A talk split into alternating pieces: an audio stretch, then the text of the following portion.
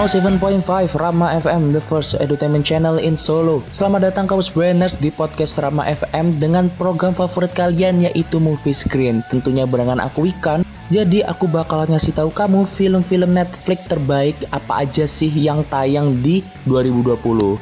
Nah, kampus Brainers, film pertama yang menurutku benar-benar harus kamu tonton di tahun 2020 ini adalah film berjudul All the Bright Places Nah, film ini mengisahkan tentang dua sahabat yang berusaha mengatasi trauma mereka masing-masing.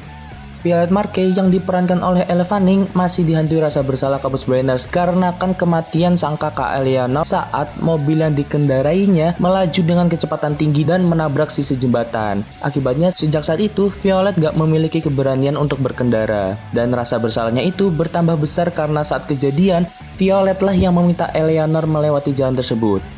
Nah, agak serupa dengan Violet, Theodore Vince yang diperankan oleh Justice Smith juga hidup dalam bayang-bayang trauma dalam dirinya Couch Branders. Dia mengalami depresi dan sering kali berpikir untuk mengakhiri hidupnya.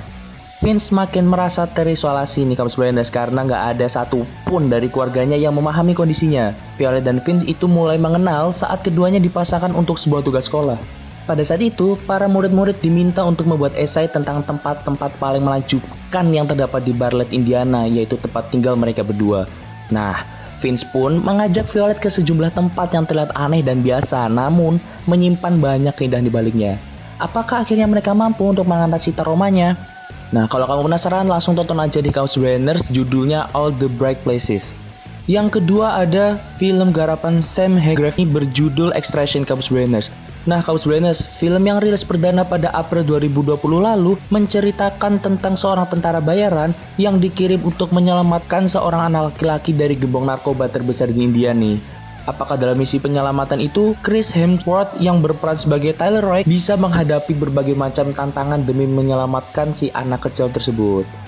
Lalu kampus Banners. Yang ketiga ada film eksklusif Netflix ini mengambil kisah tentang Andy yang diperankan oleh Charlize Theron dan para tentara bayarannya yang sudah hidup selama berabad-abad. Jadi bisa dibilang kalau mereka ini abadi ya.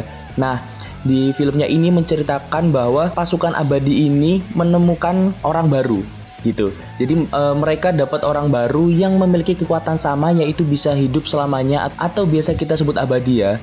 Nah, di sini itu mereka melawan seorang ilmuwan jahat yang mengincar nyawa mereka hanya untuk mengembangkan obat agar bisa digunakan untuk membuat obat abadi. Apakah mereka berhasil mempertahankan nyawa mereka? Pokoknya saksikan aja Kaus Blinders karena film ini seru banget. Oke, itu tadi dia Kaus Blinders 3 film Netflix terbaik pada tahun 2020 ini. Nah, buat kamu yang penasaran, langsung aja deh pergi ke Netflix lalu tonton tiga judul film yang baru aja aku kasih ke kamu. Dan aku yakin kamu pasti gak bakalan nyesel karena film itu recommended banget kamu Brainers. Oke, gitu aja ya kamu Brainers buat podcast kali ini. Akhir kata, terhormatlah bagi yang berprestasi dan berprestasilah dengan tetap menjaga kehormatan. Weekend pamit, enjoy the movie kamu Brainers.